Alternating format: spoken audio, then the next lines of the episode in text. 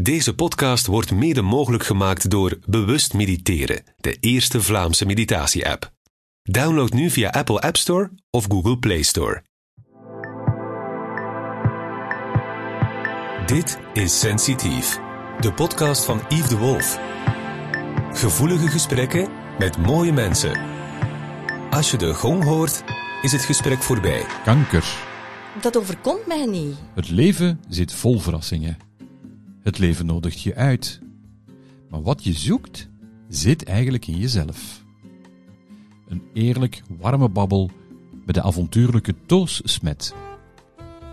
Ze waagde ooit de sprong, Spaarcentjes bij elkaar en daar doe ik het van. maar al snel werd er iets zeer duidelijk.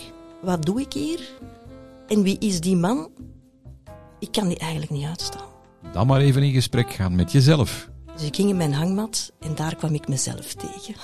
Ik kan geen oppervlakkige gesprekken voeren. En dat was voor mij alvast een reden om in gesprek te gaan met haar over onze gezamenlijke passies. En iemand uitnodigen met eenzelfde passie kan een risico zijn. Gelukkig hebben we het maar heel even over radio gehad, maar vooral over onze grootste passie: het leven. Al mijn mannen, Ja, hoe zit dat nu met al die mannen? Luister bewust naar dit warme gesprek. En het bleek achteraf, tot hiertoe althans, een van de meest therapeutische afleveringen te zijn. Dit is Sensitief. Gevoelige gesprekken met mooie mensen. Hey Toos, dag Yves. ik ben blij dat ik jou nog eens zie. Het is lang geleden. Ik, denk, ik was aan het denken op mijn wandeling hier naartoe. Ik denk toch twee jaar ondertussen. Ik denk, was dat in, ik denk dat dat in 2020 was. Toch wel. Volgens mij wel. Ja. Volgens, het was in volle corona in elk geval, want we zaten met maskers op. ja, het lijkt alsof het gisteren was, dus Ja, dat is meestal een goede teken. Ja, ja. Maar ik ben bij- heel blij dat ik jou ehm, ontmoet, want ik heb jou ehm, ja, vreselijke berichtjes zien posten op, eh, op social. Ja, het is niet mijn beste levensperiode, maar al bij al valt het wel mee. Ehm, ik, ik ben dus in, op 19 september ehm, vorig jaar is er eh, bij een gewone controleonderzoek bij de gynaecoloog een, eh, een knobbeltje ontdekt in mijn linkerborst. En dat was dan zo, ineens komt er dan in zo'n stroomversnelling, in zo'n eh, een rollercast van van onderzoeken, dat je dan binnen de kortste termijn, is dat elke dag ziekenhuis en dan scans van dat en, en, en, en platen pakken van dat. En, allee, je kunt het niet voorstellen. Het is echt, zo- het gebeurt. Het overkomt u allemaal. Je hebt geen tijd om erover na te denken. Het overkomt u. En op, eh 19, ok- op 18 oktober, dus minder dan een, ben ik geopereerd. Was het Dus- kwaadaardig? Het was kwaadaardig, ja, ja, ja. Het was gelukkig, omdat ik, ik ben nogal iemand die nogal conscientieus met mijn lichaam omgaat. Dus ken ik, ik eh, ja. Zo, ehm, dus ik, ik doe altijd onderzoeken. Als, ik bedoel, eh, ik volg alles op zoals het hoort. Hoort. Zoals eigenlijk, ik lach er nu misschien een beetje mee, maar in feite is dat wel eh, heel belangrijk dat vrouwen dat doen. Dus die, dat borstonderzoek, eh, als ze dat worden vooropgeroepen. Want het schijnt dat maar 60% dat daarop ingaat. Hm? Terwijl borstkanker toch echt heel, heel veel voorkomt. Hè. komt 7 heel op veel 10, voor, ja. 8 op 10 in Antwerpen.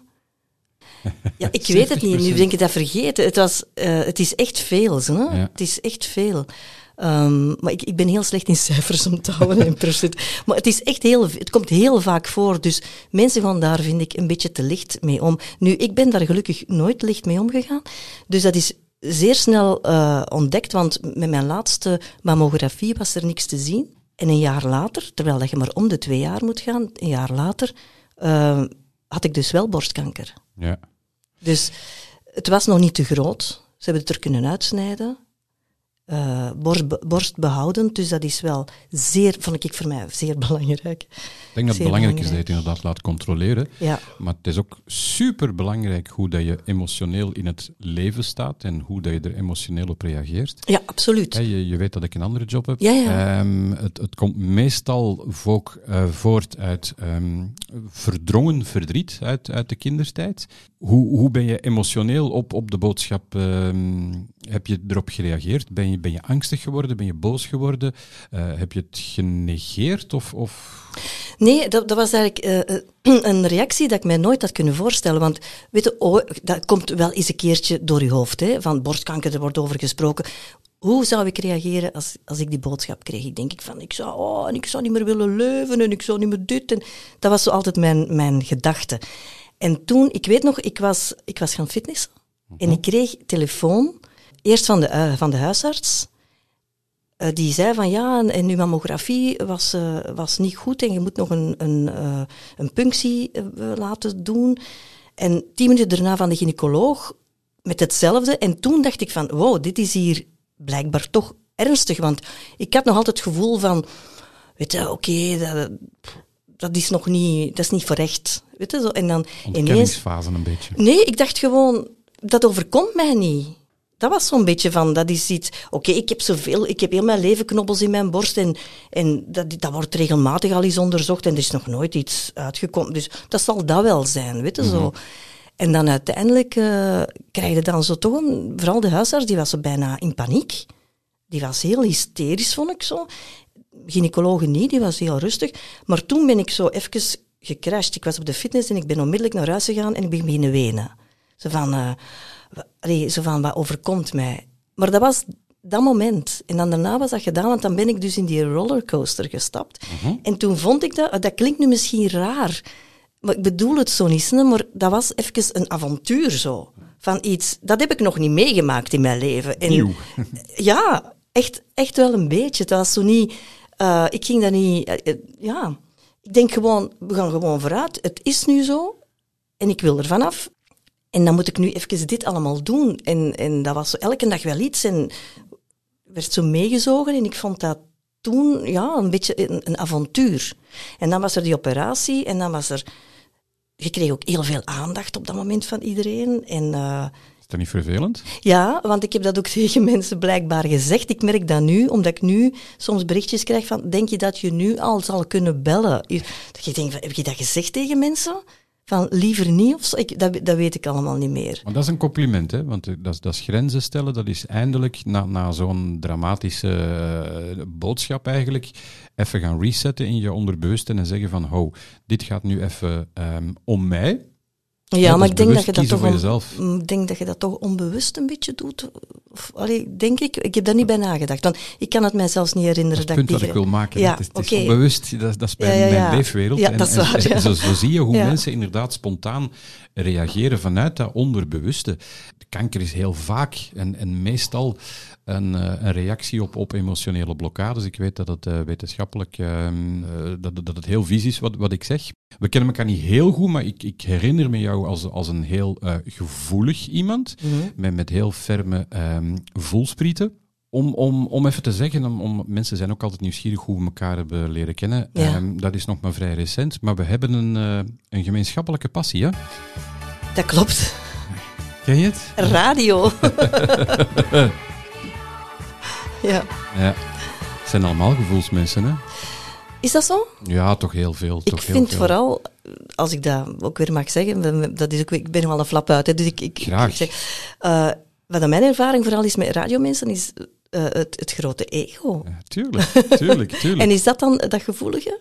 Wel, wel mijn standpunt is, dat zijn meestal gevoelige mensen. En ofwel ga je, ga je um, radio gebruiken om aandacht te krijgen, Ofwel ga je op een bepaald moment aan jezelf werken en blijkt het een van je talenten te zijn. Ofwel kan je mhm. heel mooi praten of heb je een heel mooie stem. Mhm. En, en, en um, ik heb ook mensen begeleid op, op Q Joe. En ik, ik, tegen jou zou ik gezegd hebben van ik wil Toos horen, ik wil niet DJ Toos horen. Dat is iets anders. Ja, ja daar hebben inderdaad heel veel mensen met uh, een groot ego. Um, maar ik denk dat we in de maatschappij aan het evolueren zijn naar terug um, ja, authenticiteit. Mensen willen terug de mens achter de stem of achter de schermen of achter de micro horen. Absoluut, want eh, als je, als je bijvoorbeeld de opname hoort van twintig jaar geleden of zo, ja. dat klinkt totaal anders dan, dan... Ik hoor dat bij mezelf. Als ik, als ik een opname hoor... Ik heb vroeger voor VTM wel uh, uh, of voices gedaan. En als ik dat nu hoor, dan sprak ik zo heel affectief zo. En ja. dan, dan merk ik toch dat dat geëvolueerd is, dat, dat we inderdaad meer naar onze de kern. Uh, ons, dat de kern gaat. Maar, dan, maar toen mocht het ook niet. Ja, dat, dat moest zo. Mm -hmm. Dat werd van u verwacht. Ja. Anders konden die job niet doen. Mensen zijn natuurlijk nu heel nieuwsgierig en zeggen van, maar ik ken die stem ergens van. Misschien is het van... Um... Dit is het juiste.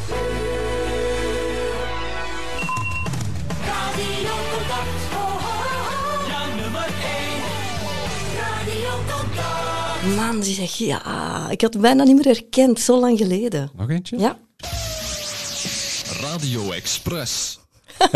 ja, ja, ja, ja, ja. ja. Maar dan het grote publiek.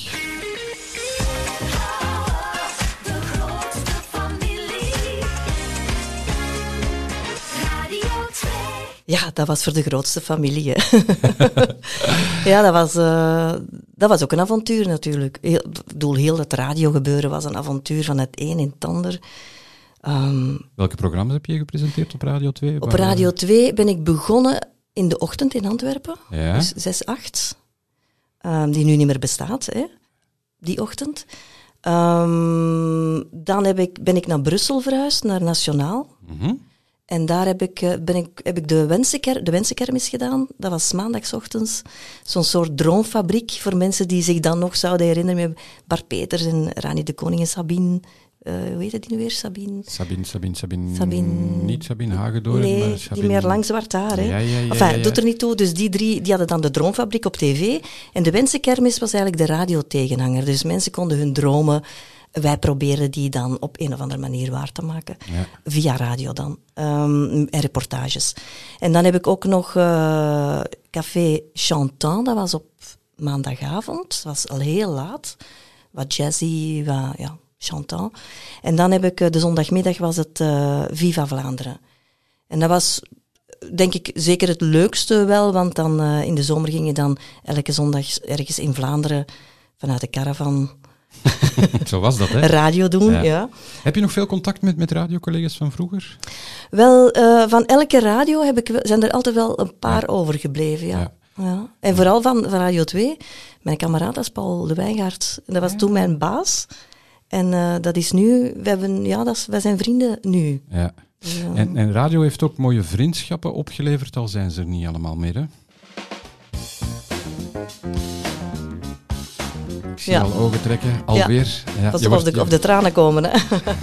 Kan geen kwaad, kan geen kwaad, dat is goed. Het vermijdt dat je ziek wordt, als je de tranen laat stromen. Ja. Jasmin, Ja, ehm, Hilde. ja. We hebben elkaar leren kennen op eh, contact. Mhm. En ehm, ja, daar is echt een heel diepe vriendschap uitgekomen. Ehm, ja, want nu ook met, met dat geval met die, met die borstkanker, dat was zo degene dat ik aan dacht van, die mis ik nu het ergste. Want die zou er het meest voor mij geweest zijn, dat weet ik 100%. Ongeacht van mijn andere vriendinnen, iedereen was er. Hè. Maar ik bedoel, zij zou waarschijnlijk degene geweest zijn die continu met mij overal naartoe ging. Zo. Van, eh, ik ben er. En, eh, dat zal wel geweest zijn. Dus dat is toch wel een groot gemis. Dat is grappig, want dat was een van de vragen die ik, die ik wou stellen Ja. over, over Hilde. Ehm, wat, wat maakte Hilde voor jou zo speciaal? Want je weet meestal, spiegelt zij ergens iets? Wa- waar keek je naar op of wat vond je Nee, zo ik mooi? keek daar niet naar op. En dat was juist de, de basis van onze vriendschap. Want zij, had, zij wist nooit goed met wie ze vrienden kon zijn, omdat ze nooit wist of het voor Jasmin was of voor Hilde. Mhm. En vermits, ik ben nooit een Jasmin-fan geweest. Dat was zo voor mij, dat meisje van tien om te zien. Toen, toen ik haar leerde kennen, was dat nog zo iemand waar ik niet echt... Ja, oké, dat was een jong, die was ook twaalf jaar jonger dan ik. Hè, dus eh, die deed haar ding en die was populair, maar dat, was niet, dat zat niet binnen mijn interessesfeer, zal ik maar zeggen. En toen leerden wij elkaar kennen en ik deed het waarschijnlijk gewoon tegen haar als Heel normaal. mijn collega eh, Hilde daar dan. En ik denk dat dat vooral voor haar de basis van, eh, van de vriendschap was. Ja. Dat heb ik trouwens ook achteraf gehoord van mensen die haar goed kennen, dat zij tegen naar mij opkeek. Het was niet andersom. Eh, wat ik nooit gemerkt heb. Dat was, toen viel ik ook uit de lucht, maar dat was blijkbaar zo. Ja. Ze- ze- en ze hing, ja... Wij hingen enorm aan elkaar. Zo. We- We waren, wij woonden ook heel dicht bij elkaar. Dat was toeval. Ehm, en ja, wij deden ook heel veel voor elkaar. Ik zie wel heel veel gelijkenissen eh, bij jullie. Ja? Zonder ze echt goed gekend te hebben. Je, je spiegelt elkaar. Hè. Eh, Ja. Sta me vrij om te zeggen, als, als jij zegt van ik keek niet op naar haar, betekent dat eigenlijk een beetje wederkerend dat je niet opkijkt naar jezelf. En Hilde deed dat ook. Zij onderschatte zichzelf. Ja. Ehm, misschien dat jij jouw eh, gevoeligheid ook altijd hebt onderschat. Of misschien weggestoken of zo. Ja, dat, Ja. ja. dat zou kunnen. Ja. Ja. Gevoelig zijn is niet altijd eh, eh, de sterkste positie in de wereld. Hè. Ehm, Ja en nee, natuurlijk. Ja en nee. ik denk het is maar goed dat je met die kwetsbaarheid omgaat. Als je dat volledig accepteert en kan tonen en, en grenzen kan stellen en bla bla bla. Gaan we hier in, te veel in therapievorm. Dan denk ik dat het je grootste kracht is. En zolang dat je dat niet volledig omarmt en, en het uitwendigt, ja, dan, dan, dan blijf je met blokkades zitten en, en is er kans dat je inderdaad op een bepaald moment eh, ziek wordt. Maar ik denk dat wij, dus, eh, Jasmin en ik, dat wij eh, ons tegenover elkaar heel kwetsbaar konden opstellen. Maar wij zaten, daar moeten rekening mee houden, wij, wij zaten allebei in een wereld waar, dat je, waar het heel moeilijk is om je kwetsbaar op te stellen of er wordt gewoon volledig over je heen gelopen. Hè. Dat is, Dus dat is toch wel, ja, het, was ook, het is ook nog altijd vooral een mannenwereld. Radio iets minder, maar ik bedoel heel de wereld van De media. van de media is Ja. toch nog hoofdzakelijk een mannenwereld. En te veel kwetsbaarheid tonen, dat wordt toch heel snel misbruikt. Dus eh, ik denk dat, dat we dat inderdaad eh, Ja. wel gemeen... Maar naar elkaar toe, dat was één en al grote kwetsbaarheid. De uitlaatklep. Ja. Ja. Dat is een van de, van de boodschappen die ik wil, wil meegeven. En zeker, je weet dat ik ook nog eh, af en toe in media werk. ehm, dat we op een andere manier moeten, moeten met elkaar gaan omgaan. Dat het wel heel fijn is dat je elkaar accepteert. Maar accepteer jezelf en toon wie dat je bent. En je kan anderen inspireren om dat ook te gaan doen. En met hoeveel mensen we meer in onze kracht gaan staan, hoe meer dat we een stukje kunnen bijdragen aan een veranderende samenleving. En, en dat we niet meer bang hoeven te zijn voor die kwetsbaarheid. Integendeel, dat we er trots en fier op kunnen zijn. Ehm, en dat het ons niet belet om bepaalde stappen te zetten of dromen na te gaan. Eh, ik hoorde jou al een paar keer het woord avontuur en dromen zeggen. Moet ik recht staan? Want ik ben Braziliaan hè, van nationaliteit. Je bent Braziliaan? Ook, ja. Door jouw verhuis in der tijd? Ja. Ja, mensen vragen zich af, waar hebben ze het over? ja, dat was dus het Braziliaanse volkslied. ja? Ehm, en ik heb eh, bijna 15 jaar in Brazilië gewoond. ja? Ben, ik heb mijn man daar tegengekomen, we zijn daar ook getrouwd. En na zoveel jaren heb ik dan uiteindelijk beslist om eh, de nationaliteit ook eh, aan te nemen. Want dat kan als Belg, kan je dubbele nationaliteit hebben. Met landen waarmee ze een pact hebben of zoiets. Dus dat is wel het geval. ja. Het is wel een mooi, ik vind dat wel een heel mooi volkslied. Het is een mooi volkslied. Ik, ik kende het niet, met een klein beetje voorbereiding Mhm, gedaan. Ik probeer er zo weinig mogelijk voor te bereiden. Mhm. omdat ik een spontane babbel wil hebben met jou. Maar ehm, ja, het intrigeerde me wel. Ook het feit dat je een B&B hebt gehad. In een Ja. vorig leven heb ik ooit de droom gehad van een B&B. Dus het triggert mij ook Mhm. wel een beetje. Eh, hoe oud was je toen je naar Brazilië trok? Oud hoor, 45. Piepjong. Nee, ik bedoel, om zo'n stap te zetten, Mhm. dat is al redelijk oud. Want als je zo ziet op tv of zo, mensen die dat doen, die zijn veel jonger.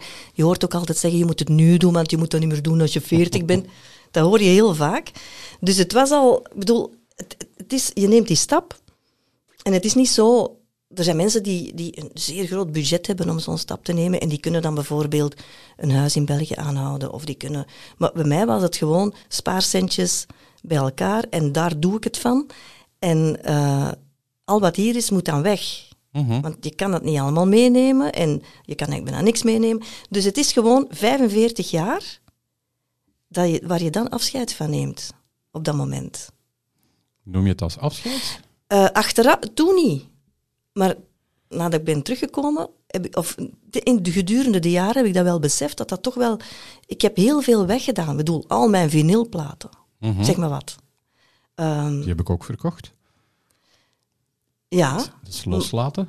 ja oké, noem het Of loslaten. Maar ik heb op, oh, ja, maar ja, ah, wel, dat is nu inderdaad zoiets. Van toen vond ik dat redelijk moeilijk. Om, ik heb dan zo'n garage sale gedaan, want ja, die spaarcentjes alleen, dat is ook niet, niet zo vet. Dus er moest zoveel mogelijk bij komen. Een garage sale. En, ehm, maar er zijn zo dingen waarvan dat je dan denkt van, verdorie, dat heb ik wel allemaal met, met zorg uitgekozen. Ik heb dat voor, van reizen dat meegebracht. En, en ineens is alles weg. En om helemaal opnieuw te beginnen. Maar wat ik daar wel nu van, he- van heb meegenomen of van heb overgehouden, is dat het mij nu allemaal niet meer interesseert. Mhm. Ik ben teruggekomen naar België. Ik heb allemaal tweedehands meubelen gekocht. Eh, en ik denk dan ook van, ja, kijk, eh, ik hecht mij niet meer aan materiële dingen. Ja. Even terug naar je 45. Ja. Wat, wat, wat doet jou beslissen om de stap en waarom naar Brazilië te zetten? Dat is een verhaal. Ehm, ik droomde altijd een beetje van, ik, van in een Zuiders land te wonen. Want ik vind ik zei altijd, België is oké als het zo van dat zomerweer is, prachtig weer, denk ik, het niet beter zijn dan hier. Maar de winter, ik vind de winter te lang. Ik vind seizoenen oké, maar ik vind de winter te lang. Dus Spanje, dat was voor mij mijn grote droom, Spanje.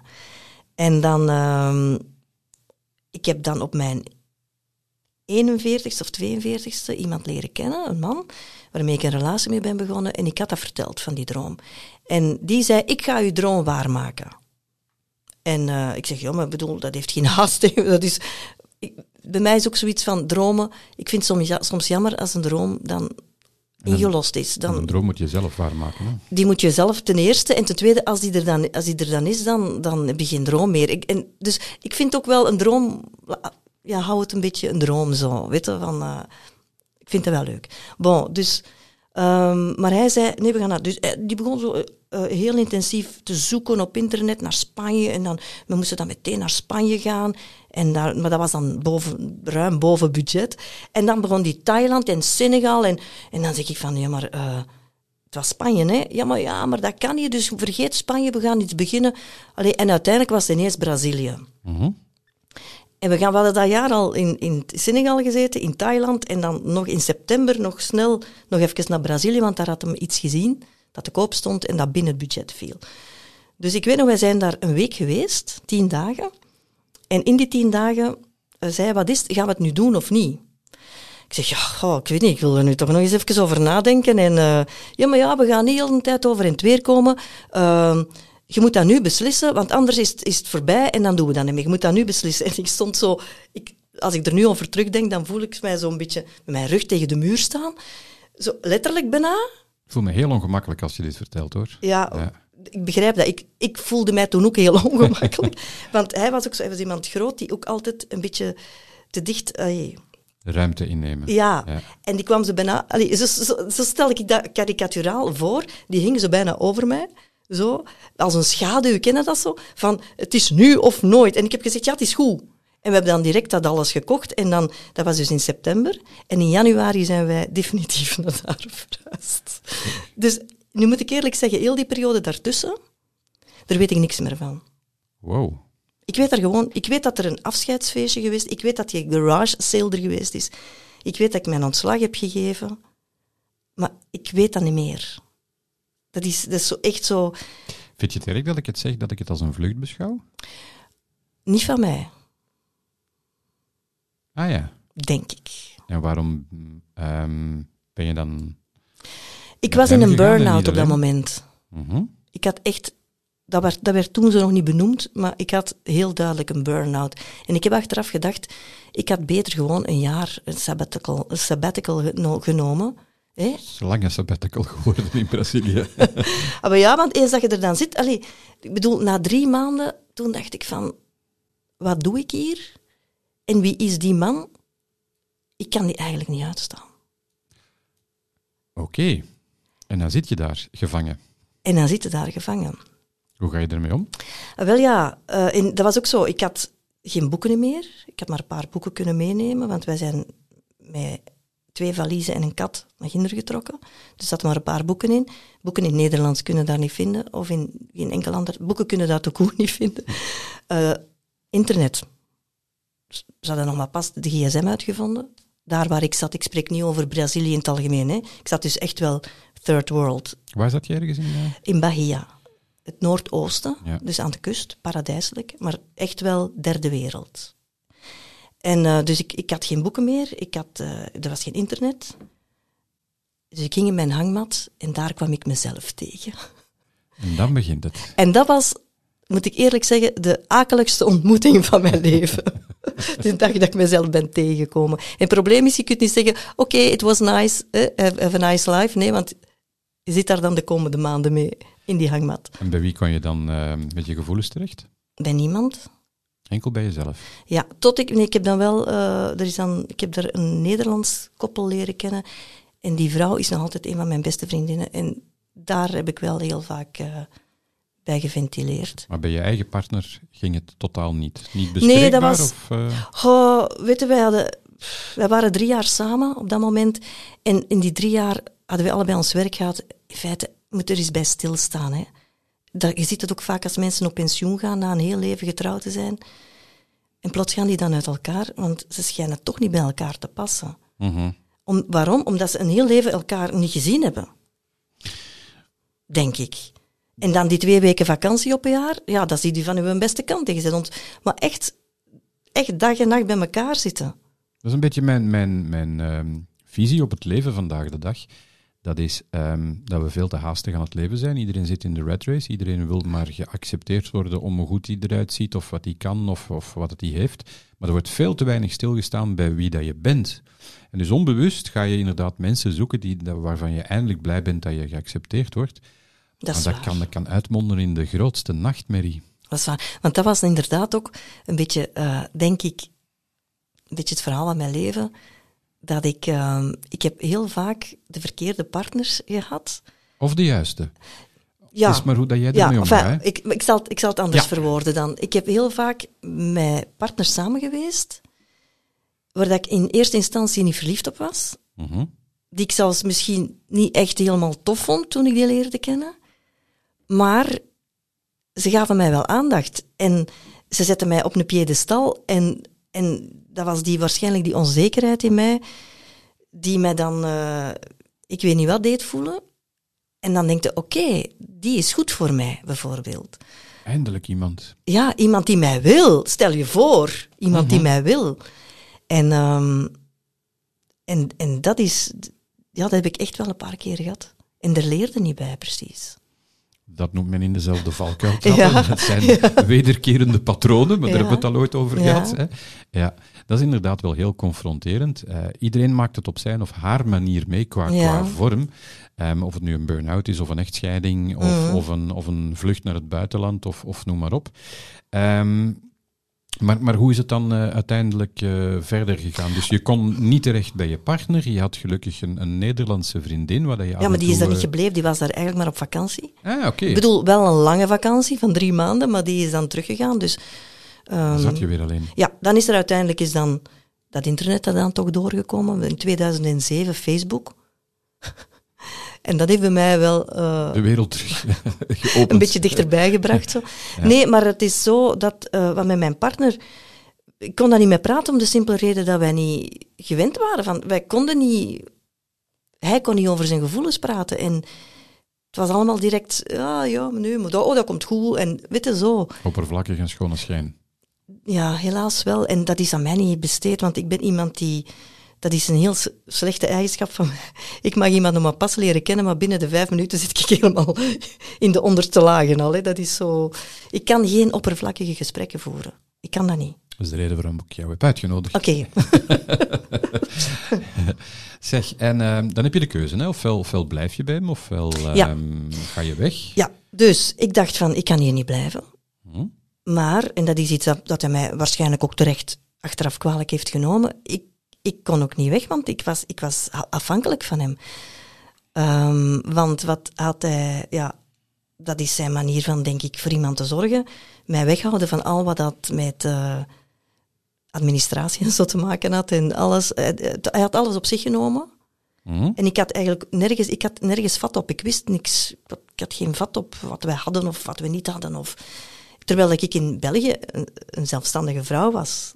Hè, Ik met, het juist zeggen, je Ja, bent toch nee. eh, zelfstandig? nee, maar dat, is, ehm, dat was wat er toen gebeurd is. En, en ik, was, ik, wist, ik, ik zat soms te denken, dat ik nu wegga. Ik, ik wil niet terug naar België, bijvoorbeeld. Ik wil niet terug naar België. Had je dan een schaamtegevoel of was het Nee, een bewuste ik keuze wilde om daar te niet. blijven?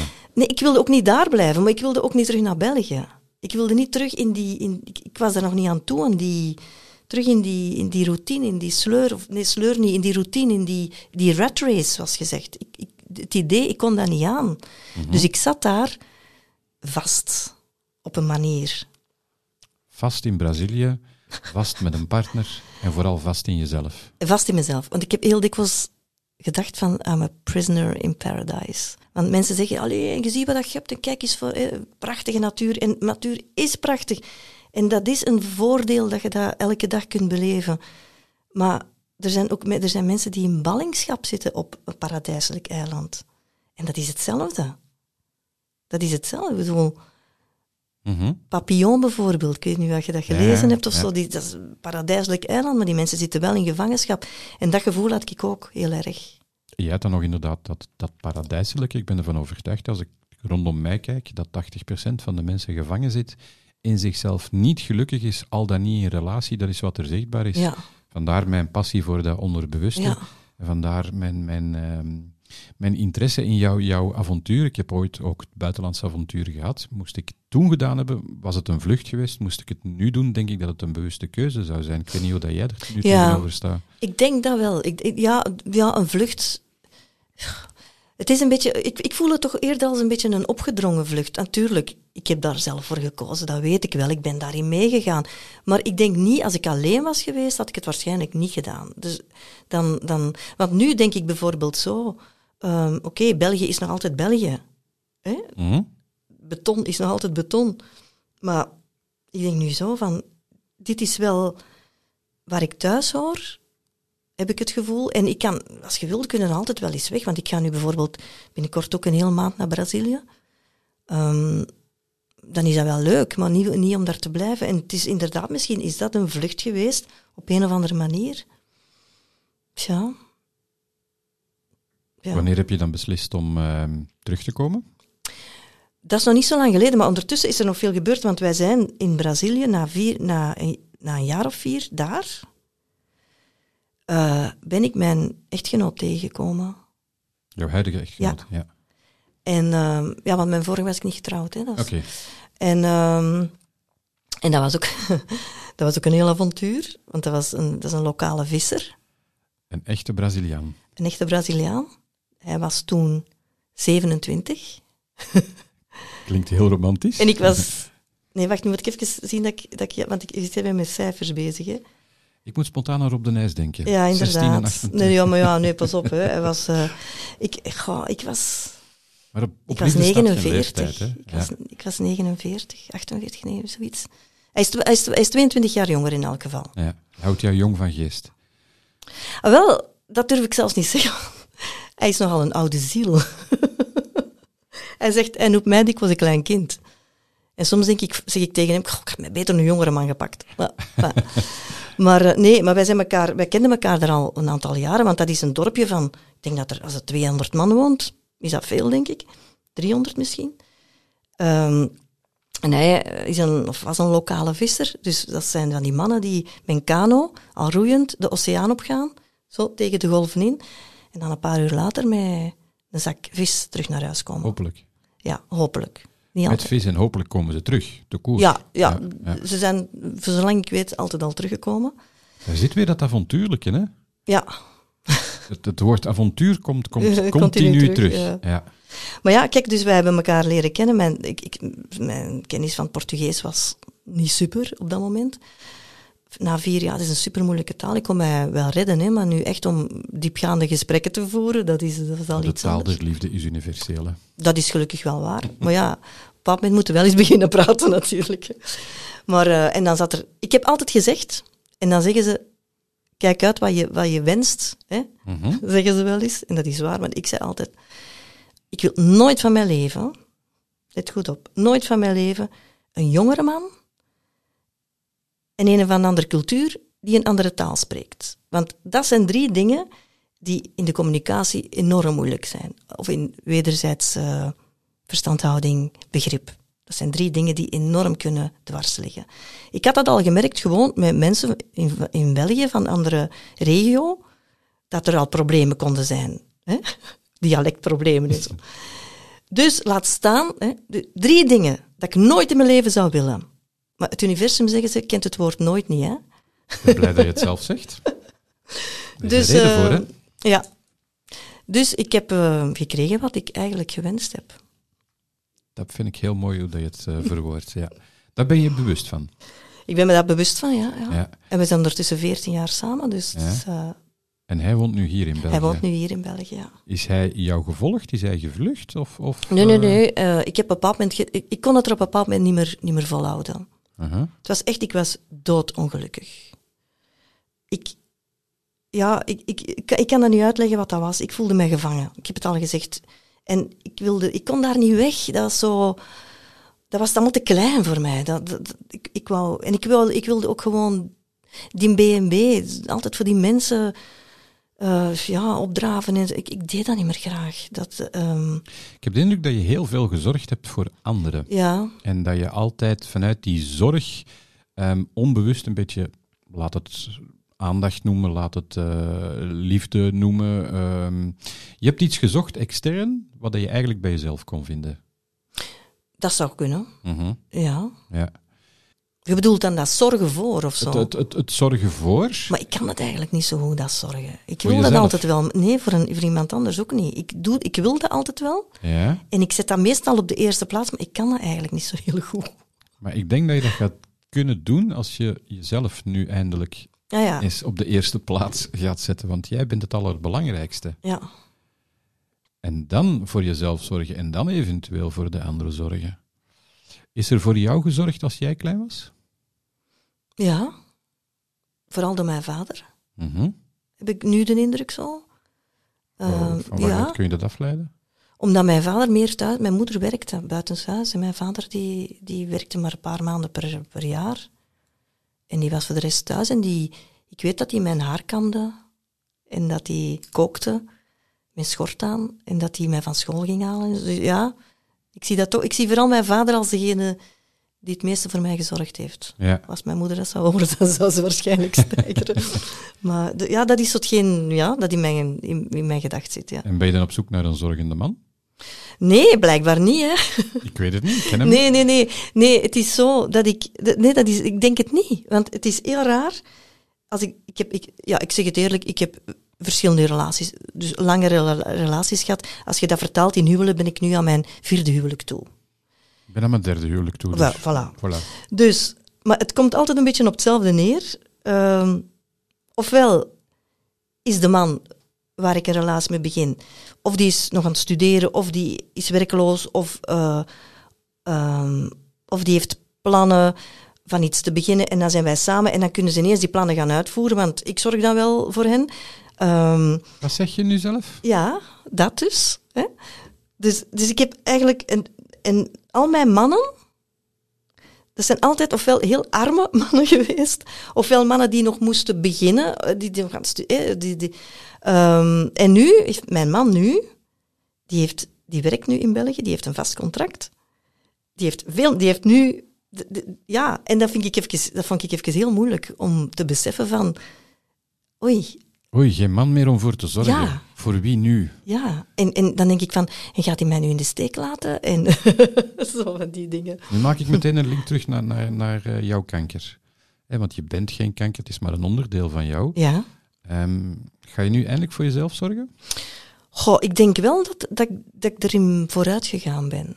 Al, al is het maar... doet, nee, nee, maar al is het maar, zoals je daar straks al zei, ehm, door het stellen van grenzen. Ik, heb, ik stel veel meer grenzen sinds ik die kanker heb. Dat is, dat is eff- effectief een feit. Bijvoorbeeld, ik ga, eh, mensen vragen mij op bezoek. En ehm, ik ga, met veel plezier. Maar ik ga veel vroeger door dan, dan ze van mij gewend zijn. En dan moet, nou ja, oké, eh, neem dat maar aan, ik ga nu door. Ik, ik, ja, dat is nu zo. Ik, ik ga niet blijven om een ander plezier te doen. Nee, ik ben nu weg. Want ik voel nu dat ik nu weg moet gaan. Dus dat is zo... En hoe ga je ermee om? Ja, Dat is oké? ja, ja. Ik vind Hoe, dat wel hoe oké. reageren jouw ouders op de ziekte? Ja, mijn moeder die, is- die wordt 100 in april, Oh. als het haalt. En Ja. die is zeer zwaar aan het dementeren. En die ontkent dat. Die vraagt dan, hoe is het met uw borst? Ah, dat is, ja, dat is goed, hè. Ja, ja, dat, is, dat is kanker, hè. Dat kan, dat kan niet, want dat hebben wij niet in onze familie. Zo, Puur ontkenning. puur ontkenning. Eh, en mijn vader, ja, die is al 100 jaar dood. Dus, Mhm. dus dat... nee, maar... ehm, ja. Het zijn beide ouders die in, in een soort ontkenningsfase zitten, met alle respect. Hè. mhm. Dan denk ik dat het tijd is dat jij bewust wordt en dat je wakker wordt en dat je eens gaat kijken van... ehm, ja, je hebt het ook nooit aangeleerd gekregen. Het is, het is ook niet hun verantwoordelijkheid, maar, maar dan sta je daar helemaal alleen. Dus voor mij komt het heel duidelijk over van... ehm, dat je jezelf aan het heropvoeden bent, ehm, met vallen en opstaan. En dat het nu wel tijd wordt om daar je lessen uit te trekken en te Mhm. gaan zien van hoe, hoe ga ik mijn leven verder Ja. vervullen. Hoe, hoe reageer je nu emotioneel ten opzichte van, van eh, mannen, werk, ten opzichte van andere mensen? Ah, wel, dat is wel, van, qua werk is er, is er zowel eh, iets veranderd. Want zo, voordat ik die diagnose kreeg, was ik echt zo in een drive, een enorme drive, zo van... Wil je wat water? Ja, alstublieft. Zo van, ehm, hoe zal ik het zeggen? Ja, die onsterfelijke drive. Van, ook van, ik word niet ouder. En ik, had, ik, ik was echt ja, enorm goed aan het werken. En, en mij er echt. Presteren. Ja, of ja, presteren, ja. Oké, ja. Ja, maar ook, ik, ik heb er ook plezier in, hè. Dat is zo, dat is Gelukkig. passie, hè. Dat is zo dat... Ja. Ik doe, ik, ik, wat ik, wat- want radio, dat is een passie geweest. Ik denk dat dat misschien nu iets minder passie is. Ehm, ik, ik vind het vooral leuk om stemmenwerk te doen. Dus inlezen en, en spotjes. En dat, vind ik, dat is eigenlijk mijn grote passie op dit moment. En... ehm, ja, en ik zat daar zo helemaal in, in die drive. En dan eh, komt heel dat kankergedoe, die rollercoaster, die operatie, allemaal nog oké. want ik ben drie dagen na de operatie terug beginnen werken. En dan, ehm, geen ontkenning, hè. gewoon, ik was daar goed genoeg voor, ik had daar zin in, want dat, dat verzette ook mijn zinnen en zo. Dus dat was, dat was oké. Maar ehm, dan heb ik tussen kerstmis en nieuwjaar ineens een enorme terugval gekregen. Maar echt muur tegen het gezicht. Of gezicht tegen de muur. En, ehm, en toen was echt van... Kijk, en ik, ik, kan, ik, heb geen energie... Ik, had dan ook bestralingen en zo. Dus ik had geen energie meer. Ik was direct moe. Ehm, en ik was zo aan het denken van... Voilà, eh, het is gedaan, hè. Ik, ik, op mijn leeftijd en dan nog dit erbij. Ja, nu kan ik het helemaal gaan vergeten. En ja, ik zag het echt niet meer zitten. Vooral dan qua werk. Eh, ik, ik heb dan ook eh, ziekenverlof aangevraagd. Nog altijd trouwens. ehm, omdat ik toch voel dat er een heleboel dingen zijn dat ik nog niet kan doen. Mhm. En dat is zo'n beetje de, de grootste domper geweest, denk ik. Zo van, eh, dat ik denk, ja, binnen een paar jaar is ben ik pensioengerechtigd. En dan heb je die, ja, die paar jaar daartussen, ja, pff, dat zal wel niet veel meer eh, betekenen, Het is zeker. maar een leeftijd, hè? Ik weet het, want eh, ik zeg het, in oktober of in september voelde ik mij nog 45. Nu, ik zit hier als Yves, niet als therapeut, maar eh, uit sympathie wil ik je toch, toch even, even meegeven van... ehm, ja, zorg voldoende voor, voor, voor je mentaal welzijn om eventueel niet te hervallen in, in een tweede keer een, een ziekte of een burn-out of wat dan ook. Ehm, ik krijg ze dagelijks over de vloer, ook in, in eigen familie. Mensen die hervallen in de ziekte, die er heel mooi mee omgaan en, en die heel enthousiast er gaan tegen vechten. Maar ik denk dat het de kunst is niet om er tegen te vechten, maar om het te aanvaarden, om het een plekje te gaan geven en om misschien eens te gaan kijken van hoe ver is het zover kunnen komen. Hè? Want je benoemt het heel rationeel op. Mhm. Ehm, om die tijd nu even te gebruiken om, om, om te landen, om in te dalen, en om Mhm. eens te zien van, oké, wat, wat zijn, wat zijn de, de valkuilen en, en hoe ga ik die voor de rest van het leven eh, vermijden? Want als jouw moeder 100 kan worden, dan kan jij dat ook. Hè? Dus, Ik weet niet, mijn vader is maar 75 geworden, dus ja, eh, ja, ja, ja, ja. Maar, maar ik, ik zeg het, het is, het is maar een leeftijd, met alle respect. Mhm. Het is, het is Nee, hoe nee, dat je in het leven absoluut. staat. Want ik, eh, ik word 63 dit jaar, maar dan, als ik dat uitspreek, dan denk ik... Drie, huh? Dit moet 53 zijn of zo, weet je? Dat is zo... Ik heb, ik heb niet... 43, ja. Ja, nee, ik denk dat ik de 60 is het rijp, nieuwe rijpheid... 40, ja, maar ik, heb, nee, ik, heb, ik ben nu veel rijper en rustiger dan op mijn 43ste. Ja. Dus ehm, ja... dat- Moment om thuis te komen bij jezelf. ja, dat wel. En, en ook zo, want je zegt nu van dat hervallen, hè. Dat Ik wil je iets... niet bang maken. hè, Nee, ah, wel nee, maar ik ga daar toch even iets over zeggen. Ehm, ik denk daar nooit aan, aan dat hervallen. Het zijn altijd andere mensen die daarover beginnen. Mhm. Zelfs mijn huisdokter, elke keer dat ik er kom, begint hij daarover. Ik heb nog mensen ook in de familie die daarover beginnen. Het is zo, ja, dat is zo van, oké, ik weet dat dat kan, maar ik ben daar niet mee bezig. Ik wil daar ook helemaal niet mee bezig zijn, want, dat je dat mee want ik heb dat gehad, ik heb een periode toen ik van mijn huisarts kwam, die er toen enorm over beet, dacht ik van, ook dat kan, of zo. Weet je, ik moet ook om de drie maanden op controle gaan. Mhm. Dus dat is allemaal van, oké, ik weet dat, dat dat, maar ik wil, ja, ik ben daar de, niet mee de bezig. medicijnen gaan, niet, gaan er niet voor zorgen dat je niet meer hervalt. Nee, maar ja, het enige van medicijn dat ik nu nog heb, is, is, ja, dat is een hormoontherapie dat ik vijf Mhm. jaar moet nemen. En, En ehm, ik heb dat in het begin een tijdje overwogen om te vragen of ik dat niet, dat ik dat niet, niet kon nemen. Ehm, maar dat wordt toch de stelligste afgeraden, maar dat er in het begin nogal wat veel eh, nevenbijwerkingen van zijn. Dus ehm, dat natuurlijk ook voor die gemoedschommelingen. Ja. Maar ik ben wel twee keer bij een, eh, psycholoog geweest. Die heb ik, die heb ik dan voor naar gevraagd bij de borstkliniek. Toen ik tussen kerst en nieuw, dat ik echt zo eronder zat, dat ik eh, Ja. onmiddellijk eh, in actie ben geschoten. Dat was goed twee keer en dat was eigenlijk oké. Dat was ehm, Zijn er nog andere dingen dat je doet voor, voor mentaal welzijn? medite- mediteren, maar dat doe ik, ja. Je, als ik op de trein sta te wachten, mediteer ik bijvoorbeeld. Hè? Of eh, in plaats van op mijn gsm te zitten of zo, ik doe dan dat. dat Ja. Zo ook gewoon ademhaling, Oefeningen. ja. gewoon zo tot rust komen. Bewust, gewoon heel bewust van van alles proberen te zijn. Dat, dat, dat doe ik wel zo. Mhm. van, eh, ook zo bijvoorbeeld bewust in een wachtzaal. Ik heb nu veel in wachtzalen gezeten, vooral in de kliniek. Ook heel veel vuile eh airconditionings gezien in de kliniek. Want je ligt heel vaak hè, als je wacht daar. En, ehm, en dan denk ik, dat, zo echt dat bewustzijn van ik lig hier nu en binnen een paar minuten is dat voorbij. Ja? En straks gaan ze mij opereren en dan morgen is dat voorbij. Zo, zo, dat heb ik nu heel hard. ja. Zo altijd dat, oké, gewoon rustig, blijven ademen. Het komt goed. Stap voor, en ook altijd heel erg dat stap voor stap. Zo van, Ja, niet te snel. Ik ben ook niet zo heel erg bezig met binnen een paar maanden of, of volgend jaar of toekomst. Of denk ik nooit mee bezig geweest. Het is zo, ik, ik doe alles. Het is een moeilijke oefening om in het eh, nu te leven en om toch niet ehm, te vermijden dat je niet naar de toekomst durft kijken. dat is hè? inderdaad zo, want je kunt dat zwart, zwart-wit eh, opvatten. Hè, van je moet in het nu leven. Nee, mannetjes, zo werkt het niet. Hè? Maar het is wel heel duidelijk, en dat vind ik dat corona vooral ook heel duidelijk heeft gemaakt, dat heel veel op voorhand plannen eigenlijk ook weinig zin heeft. Genieten in, in het nu, maar vooral ehm, in je kracht staan en, en genieten van kleine dingen. Zorgen dat, je, dat je echt heel bewust leeft. Maar dat kan ik Ehm, goed zo. Genieten. Eh, van kleine dingen. Genieten, ik weet niet. Maar van klein, zo, be, mij bewust zijn van wat ik heb.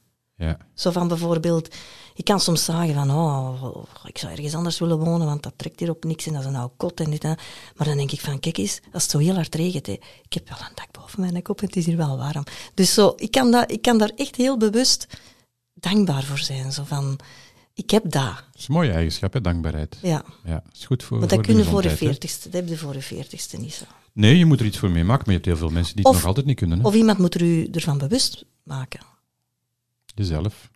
Ja, maar het is toch altijd ma- makkelijk als iemand u een beetje kan helpen. Hè? Zo, Een beetje gidsen, een beetje, beetje gidsen, begeleiden. hè? Ja, ja, spiegeltje ja. voorhouden. En ik vind dat eh, jongere mensen tegenwoordig zich daar veel meer van bewust zijn dan mijn generatie. Omdat wij daar allemaal niet mee bezig waren. Maar nu heb je zoveel boeken daarover. Je hebt therapieën. eh uw nee-therapie bijvoorbeeld. Waar ik heel goed mee geweest ben trouwens. moet ik toch wel even zeggen. Dat dat toch wel... eh, Ja. Dat is heel lief, dat was niet de bedoeling. Nee, nee, maar, dat, maar, Dat is- ik, dat maar ik heb het gedaan. Dus ik, vind... Ik, de mensen mogen dat ook weten dat ik dat gedaan heb. Ja. En dat is goed. Als het erin zit, moet het eruit. Hè? Ja. Maar wat ik aan de andere kant ook wil zeggen, dat gaat niet over, over uw therapie, maar in het algemeen, dat toen ik die diagnose van die kanker had gekregen, dat er ook wel mensen waren in mijn vriendenkring die met holistische dingen bezig zijn of, of met andere dingen bezig zijn, die tegen mij zeggen, ja, maar je moet niet die medische weg volgen, er zijn andere dingen, je moet, je moet naar daar gaan en je moet naar daar gaan. En toen ben ik echt kwaad geworden. Want dan, dan, dat heb je op dat moment even niet nodig. Het is een en-en verhaal. Het is een, en, en, duidelijkheid. ja, maar daar ga ik absoluut mee akkoord. Maar ik, ik heb dan op een bepaald moment ook, ook gewoon gezegd van, kijk, hé, eh, ik, dat is met de, ik weet dat dat met de beste bedoelingen is. En ik weet dat dat wel eh, kan bijdragen tot... Maar ik ga nu de weg nemen waarvan bewezen is dat, dat, je gene, allez, dat er een genezing mogelijk is. Waarvan U wetenschappelijk... uit, ik, ja, maar ik weet ja. het, ik weet het. Ja. Maar dat was hetgeen wat ik toen voelde. Ja. Want ik ben de eerste om altijd mee te gaan in, in al de alternatieve dingen. Ik, wil, ik, wil, ik ben daar Maar het is echt... niet zwart-wit, hè? Het is nee, en-en, ja, hè? voilà. Ja. Dus, Maar dus ik ben blij dat je dat zegt, want er zijn er veel die dat niet zeggen. Ah, nee, nee, ik ben, laat, laat dat heel duidelijk Ja. zijn. Het is een en-en verhaal. Als je ermee zit, moet je de klassieke weg op. Ja. Wat ik aanreik aan mensen, is ik ga kijken naar dat onderbewuste en zorg, stel dat het uit een emotionele overtuiging Mhm. zou komen dat je je ziek hebt eh, gemaakt, dat we de kans zo klein mogelijk maken om eventueel te gaan hervallen. Mhm, Oké, ja. en dat bedoel ik. ik met de medicamenten, gaan dat op, op, op Ja. eh, niet, niet voorkomen. Nee. Maar dat is dus achteraf. Maar eerst moet er een operatie zijn. Eerst moet er dit zijn. Eerst moet, Ja. eerst moet het, het kwaad Ja. eruit komen. Ja. En dat kun je niet met een handoplegging, kun je die een tumor er niet uitkrijgen. Nee, nee, nee, tuurlijk niet. Maar het feit dat je nu zelf over mij begon, ik, ik weet ongeveer tuurlijk, waar wij rond gewerkt hebben. Ehm, ik hoef mij geen zorgen te maken. Ik, ik, je gaat hier doorgeraken. Mhm. Ehm, ik hoop alleen dat je nog op... Ik bedoel niet per se terug met nee, maar dat je nog iets bewuster een aantal blokkades gaat ehm Ja, want er zijn er nog. Ja. Er zijn er nog. Mhm. En, en dan gaat de kans kleiner worden dat je eventueel gaat hervallen. Dus ik, volgens mij zit je wel redelijk op schema. Je bent er nog niet, en dat is goed bedoeld. Mhm. Ehm, maar dat is, dat is fijn, hè? Dat is, het is fijn. Er, Ja. er- is een worteltje om, om nog eh, uit die gevangenis of uit die wachtzaal, want je zit zelf een beetje in de wachtzaal van het leven, heb ik de indruk. Er, er wacht nog een heel mooi leven op jou. Hoe, hoe zou jij Hoe je... bedoel je met dat ik in de wachtzaal zit? Wat bedoel je? Ehm, het, het, het feit dat je zegt van kijk, ik zit daar in de wachtzaal en, en ik zit te wachten tot op het moment dat ze mij gaan helpen en dat ik terug beter word. Maar dan ga je het zelf moeten doen terug.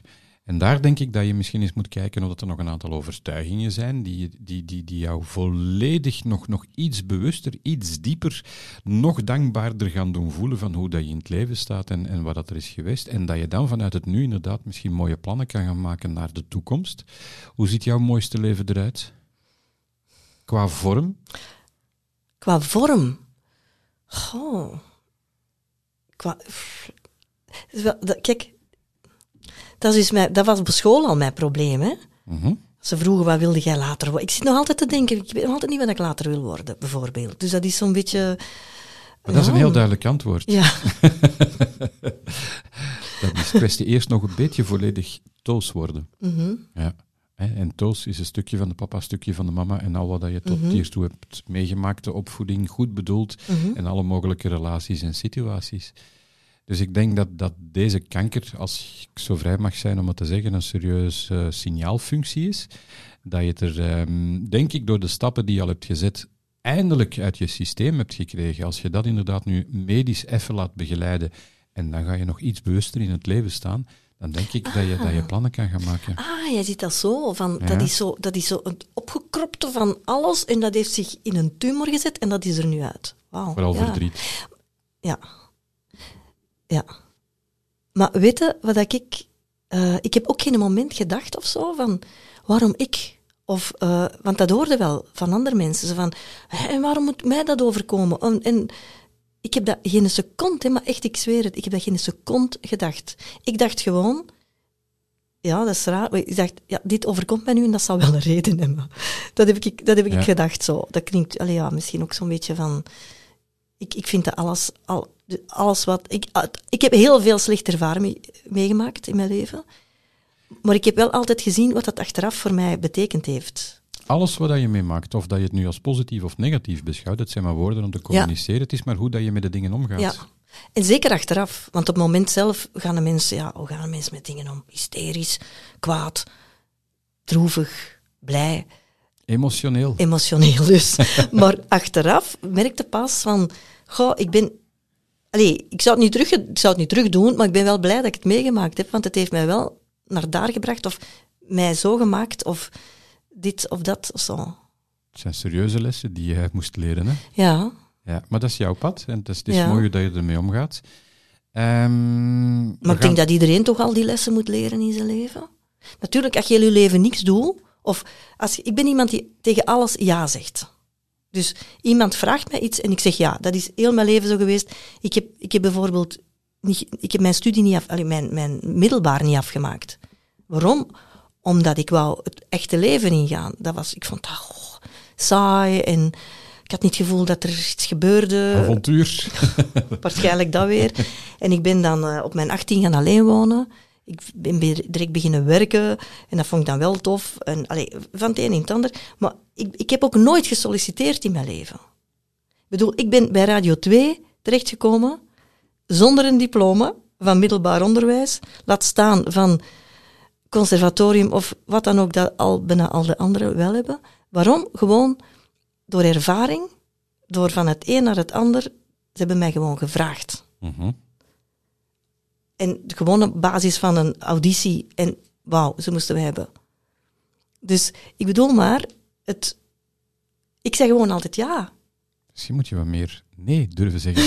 maar dat is iets anders. Ik bedoel, ik zeg ja tegen, de, Ja Tegen tegen, de- het leven. tegen het leven en tegen Ja. de dingen die op mijn pad komen. Ja. Eh, niet, al- niet op alles, ik bedoel bijna op alles. Hè. Ja. Er zijn dingen dat je van voelt van dit zit niet oké, dat ga ik echt niet doen of zo. Ehm, en van bijvoorbeeld, ik ben ooit gevraagd geweest om, om een restaurant te gaan, een heel goed draaiend restaurant te gaan managen bijvoorbeeld. Dan denk ik, ja, waarom zou ik dat doen? Allee, nee, dat, iets, iets van binnen zegt nee. Hè? Intuïtie volgen. Ja, Mhm. maar andere dingen dat dan binnen mijn... Want uiteindelijk, wat, wat kan ik? Ik kan één ding goed, en dat is babbelen. Misschien moet je dan wat meer zwijgen. Ja, maar ja, ah, wel. Maar dat is geen... Je hebt dat onlangs een keertje gepost. eh, luisteren hè, en wat minder zelf praten. En dat, is, dat is bij mij echt... Ik voel me altijd persoonlijk aangesproken als ik zo'n zo'n post zie. Maar ik post alles voor jou, hè, Toos, Ja, ik weet je. dat. Ja, ik weet dat. Daarmee dat ik ook op alles reageer, hè, Yves. Nee, maar dat is, en dan komen we nog eens bij een ander puntje. Alcohol. Mhm. Ik drink geen alcohol niet meer. Proficiat. En dat is al van voor de kanker. Mooi. Omdat, heel raar, iets in mijn lichaam zei, stop ermee. Dat is niet goed voor jou.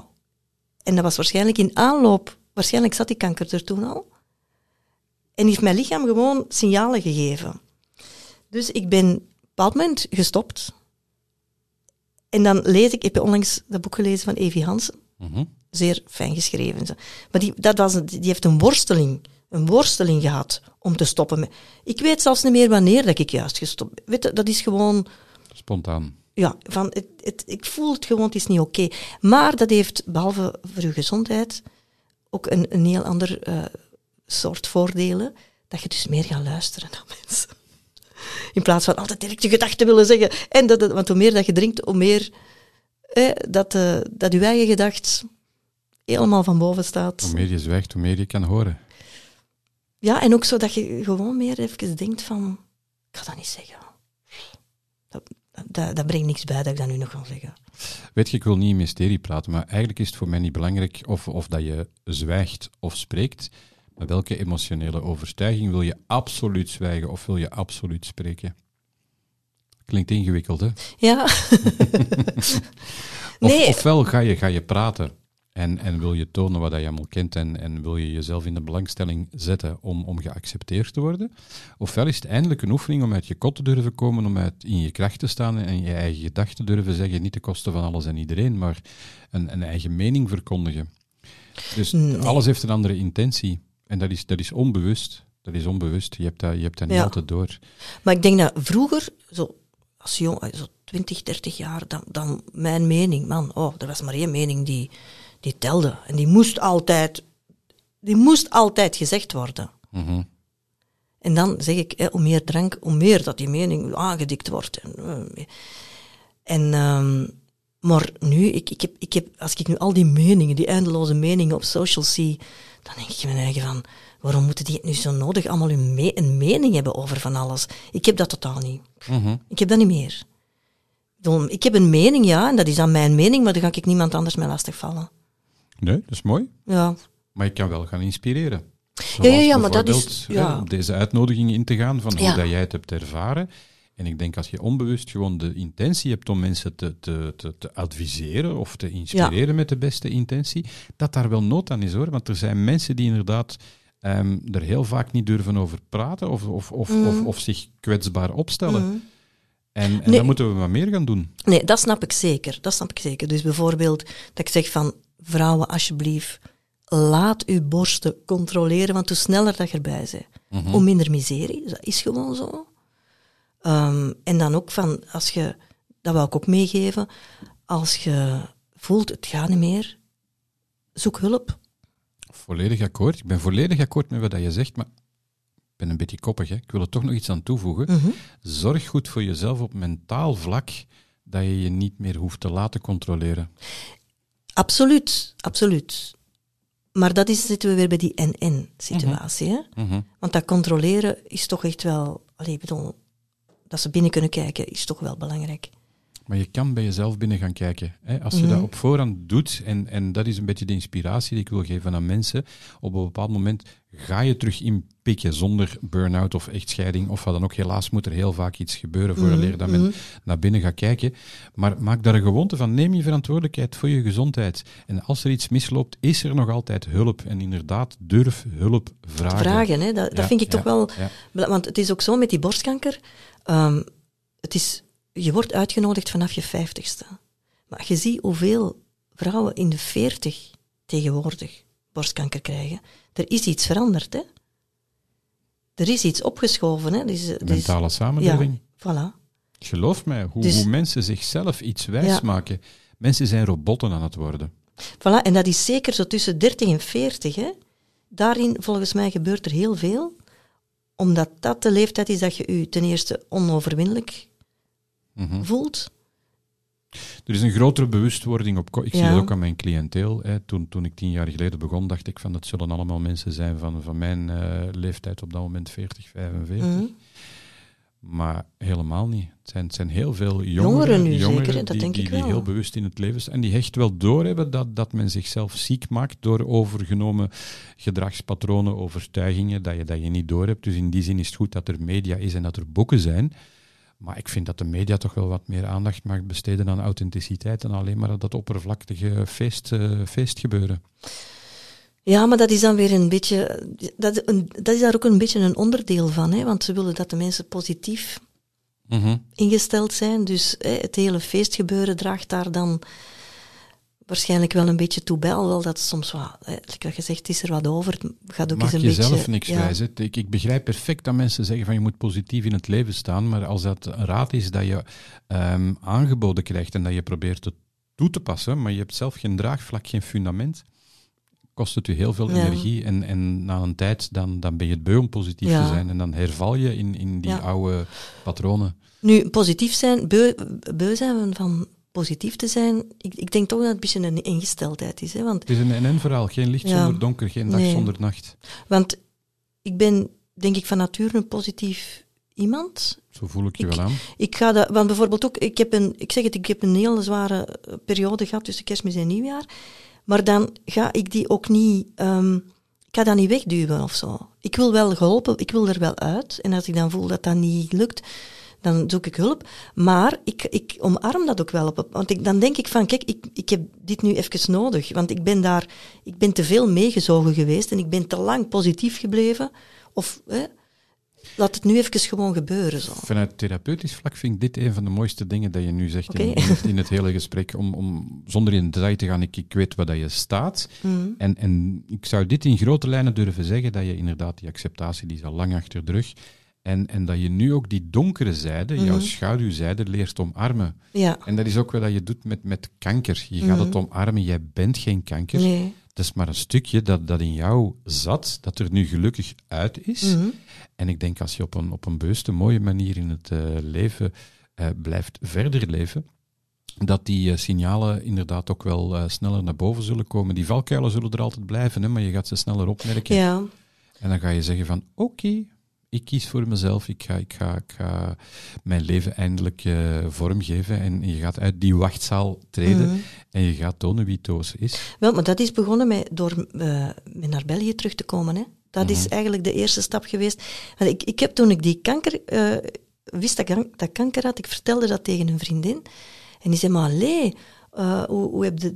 Die, die zei van, allee, de, de verschiet ik van, dat past zo helemaal niet bij u. Zei die. Eh, ik zeg, nee, maar ik denk dat ik de laatste tien jaar te veel gekankerd heb. Dat heb ik toen gezegd. En dan, mooi. heeft zij, en dan heeft zij dus ik, ik, ik refereerde naar mijn jaren in Brazilië, want ik, ik heb, ik weet, je ziet hier die twee lijnen, hè, die heb ik ook daar gekregen. En dat zijn lijnen van een mond die altijd naar beneden heeft gestaan. Echt, hè? Ja. En dat, dat vind ik erg, want dat, dat doet er mij altijd aan herinneren, zo van, Ehm, ik heb waarschijnlijk heel veel zo gezeten. En Onbewust altijd ergens anders de oplossing gezocht en teleurgesteld en, Mm. en verdrietig geworden dat, dat, dat, dat daar niet de oplossing lag, niet bij een man, niet in het buitenland Mm. en noem maar op. En, en dat is heel jouw proces. En wat je dan met het onderbewustwerk bent beginnen doen, is, is naar binnen gaan kijken, jezelf geaccepteerd, je verantwoordelijkheid nemen en, en zo maar verder. We gaan, we gaan er niet te veel in detail over gaan. Dus nu krijgt het inderdaad een andere vorm. Hetgeen dat erin zat, is er uitgekomen. Want ik, heb, ik was even aan het twijfelen of ik het zou zeggen, omdat jij over mij begon. Maar ik merk heel vaak, en ik wil mensen ook geen angst eh, aanbrengen, maar dat je na eh, een bepaald aantal sessies merkt dat er heel veel mensen in burn-out gaan of een lichte vorm van, van kanker krijgen, of allee, kanker op zich krijgen. Wat ik dan ook altijd zeg tegen de mensen, niet om ze gerust te stellen, maar ik meen dat vanuit mijn hart. Ehm, in, in dergelijke omstandigheden is het de afronding van een proces. En voor heel veel mensen die nog niet met innerlijk werk bezig zijn geweest, is een, een burn-out of een echtscheiding of een ontslag of een kanker het begin van een lange fase. En dus ik denk dat dat goede nieuws is voor jou, door de stappen die jij al hebt gezet, dat dit eigenlijk wel, Mhm. ehm, ja, dat je in afronding zit en dat je dus eindelijk uit die wachtzaal komt, ja, je ja, eigen wachtzaal en dat je zelf een eh, mooi leven tegemoet gaat gaan. ja. Wat een filosofische praat. Ja, dat, dat was de bedoeling. Hè. Kijk, als de gong gaat, is het gesprek voorbij. Ja.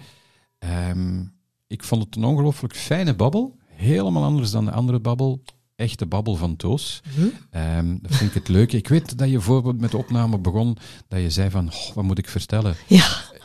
Kijk, je hebt ongelooflijk mooie dingen verteld. Hoe dat jij ernaar kijkt, en, en je hebt een heel mooi evenwicht eh, geschetst. En ehm, ga verder zoals dat je bezig bent. Ik ga dat proberen. En Ja. anders kom ik nog even, even hulp zoeken. dat is prima, altijd welkom. Dit was Sensitief. Gevoelige gesprekken met mooie mensen. Als je voelt, ik ga niet meer, zoek hulp. Wil je meer? Volg dan Sensitief op Facebook, Instagram en YouTube. Sensitief, de podcast van Yves de Wolf. Deze podcast wordt mede mogelijk gemaakt door Bewust Mediteren, de eerste Vlaamse meditatie-app. Download nu via Apple App Store of Google Play Store.